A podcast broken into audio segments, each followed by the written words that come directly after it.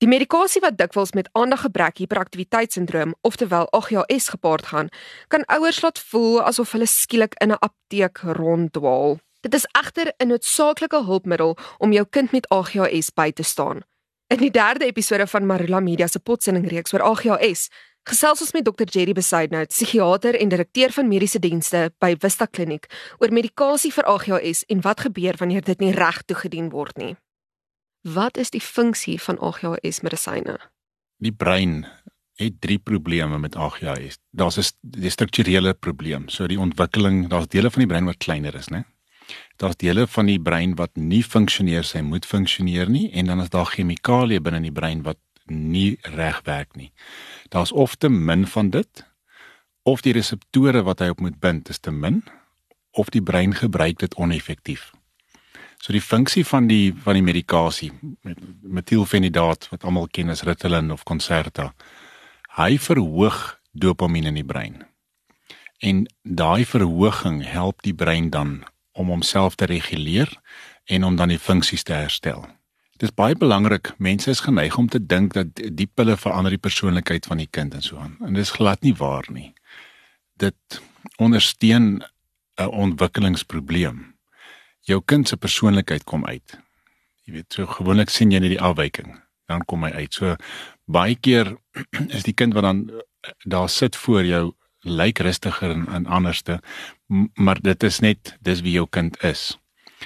Af en toe is die medikasie van so aard of dat hy vir jou neeweffekte gee wat die persoonlikheid onderdruk en die kind te veel, jy weet, hy gee teenoorstelde reaksie.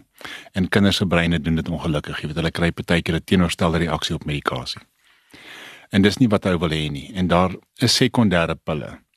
Maar er, metielfenidaat die Ritalin konsertane is uitsonderlik effektief.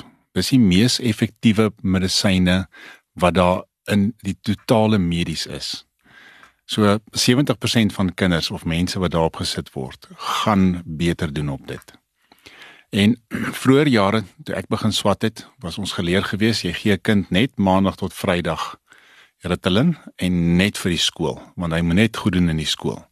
Waar ons nou trek, besef ons dat 'n kind se totale ontwikkeling word geaffekteer deur hierdie ontwikkelingsprobleem. So hy het eintlik of hy of sy het eintlik die heel dag en naweke en vakansies sy medikasie nodig daar's bekommernis geweest dat Ritalin byvoorbeeld kinders se groei onderdruk en die langtermynstudies wys dit nie. Partykeer onderdruk dit hulle aptyd, maar dit lyk nie of dit 'n groot probleem is nie. Klein weer eens daai klein persentasie van kinders wat dit uitermate onderdrukking is, dan moet die dokter kyk na iets anders te doen. Maar dit is so belangrik vir die kind se se totale ontwikkeling is dat daai medikasie gereeld gegee moet word. Partykeer word dit 'n probleem in tienerjare want dan begin die kind sê maar ek kan nie myself wees sonder die pille nie. En dan vat dit baie keer onderhandeling en mooi kyk en mooi werk. Mens kan dit baie keer voorkom deur vir die kind vroeg te sê maar hierdie pille gaan nie die lewe vir jou doen nie. Dit help met 'n breinprobleem, maar jy moet nog sit en leer. Jy moet nog aan sport doen, jy moet nog maatjies maak. Die pille kan nie vir jou maatjies maak nie. So jy weet baie keer help dit, maar ander kere deur dat deur die tienerjare is baie keer maar groot onderhandelinge wat moet gebeur met die kinders. Is dit moontlik om AGHS sonder enige medikasie te hanteer? Daar is 'n klein persentasie van mense wat wegkom sonder dit. Weerens die langtermynstudies wys dat 75% van daai mense onderpresteer. So ja, jy kan. En onthou medikasie is nooit die enigste antwoord met enige ding nie. Dit is altyd deel van die oplossing. So deel van die van die van die ehm um, behandeling van die probleem is goeie rotine, goeie struktuur vir die kind, liefdevolle dissipline, voorspelbaarheid. Jy weet al daai al die normale goeders wat hulle baie keer meer van nodig het as ander kinders. So die pille, ek het so 'n mooi voorbeeld gehad van 'n 'n meisietjie wat in 'n verbeteringsskool was. En haar grootste probleem was 'n ander gebrek geweest en ons daar op konserte gesit en na so 2 maande sê sy vir my, "Jeg, dit is hom fantasties. Sy voel soveel beter. Nou moet sy nog net leer om soet te wees." En dit het my so 'n mooi onderskeid gemaak tussen wat die pille doen en die gedrag van die persoon. Wanneer is medikasie definitief nodig? Wanneer die ma die kind wil opgee vir aanneming of haarself wil opgee vir aanneming.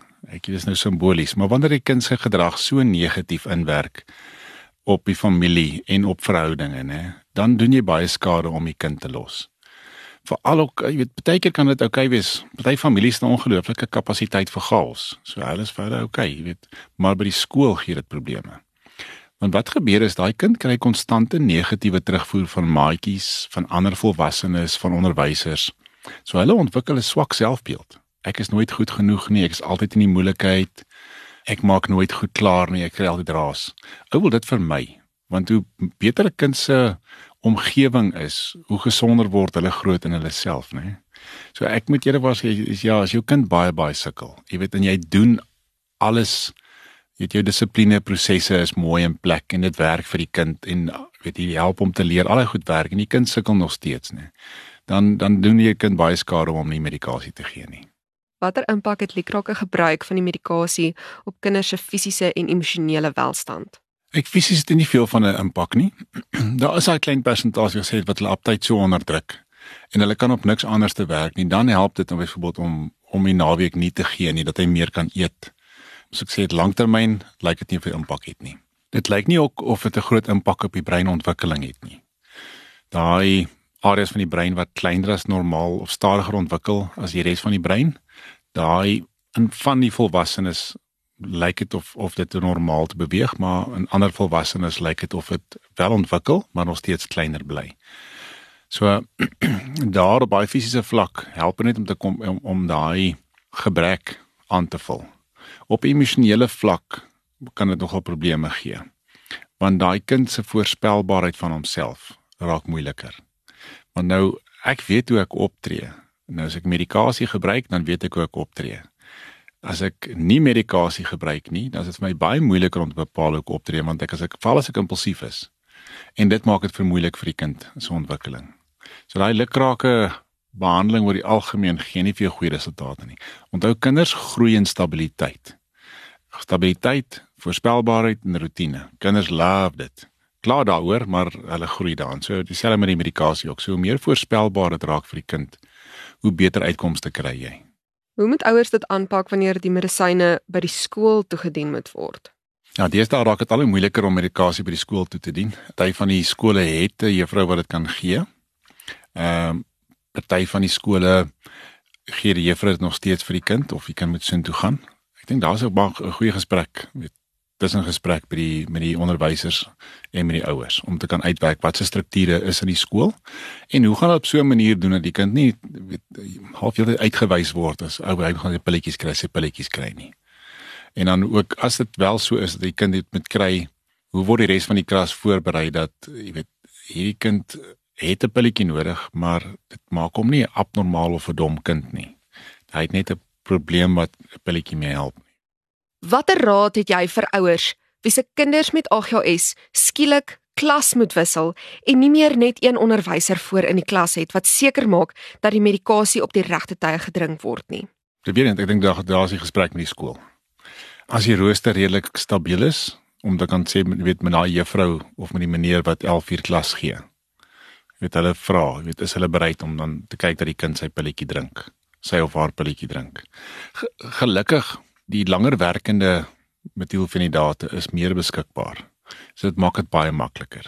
Jy weet ons klas die we kry die Ritalin wat ons praat van long acting of Concerta. So daai wat die kind 1 3 keer 'n dag moet kry is minder, maar weet meeste van die skole help ongelooflik baie om te kan werk daarmee. En as die skool so anti dit is, nee, dan moet jy jouself afvra is my my kind in die regte skool? Jy moet ek hom eerder skuif na skool toe waar hulle meer akkommoderend kan wees en meer behulpsaam kan wees. Want dit is baie belangrik, né? Ons ons ons is geneig om te dink as 'n kind nie probleme het nie dat jy weet enige skool werk vir hulle. Maar ons weet sekere skole werk nie vir sekere kinders nie. Om deur net te skuif na 'n ander skool toe, dan blom daai kind ewe skielik. So ou mens moenie vergeet nie, mens skuif nie maklik nie. Maar partykeer is dit nodig om 'n kind te skuif. Veral as dit ook 'n groot skool is, die kind raak weg en is moeilik vir die onderwysers om daai kind dan te kan raak sien in daai groot klas. Dan is dit partykeer nodig om sê goed, kom ek gaan soek 'n skool wat wat kleiner klasse het waar my kind dan meer raak gesien en meer aandag kan kry. Is dit dan ook jou raad vir ouers wat graag hul kinders van een klas na 'n ander wil skuif? As dit nodig is, ja. Want onthou, onderwysers is mense. Sekere kinders tel hulle nie meer nie.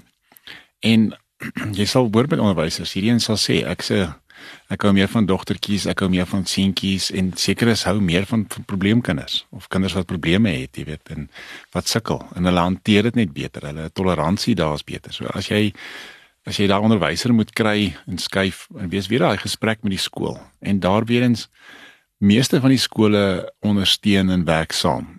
En as jy nie samewerking kry nie en jy kry net weerstand, dan moet jy werklik waar dink, jy weet, is die skool reg vir my kind?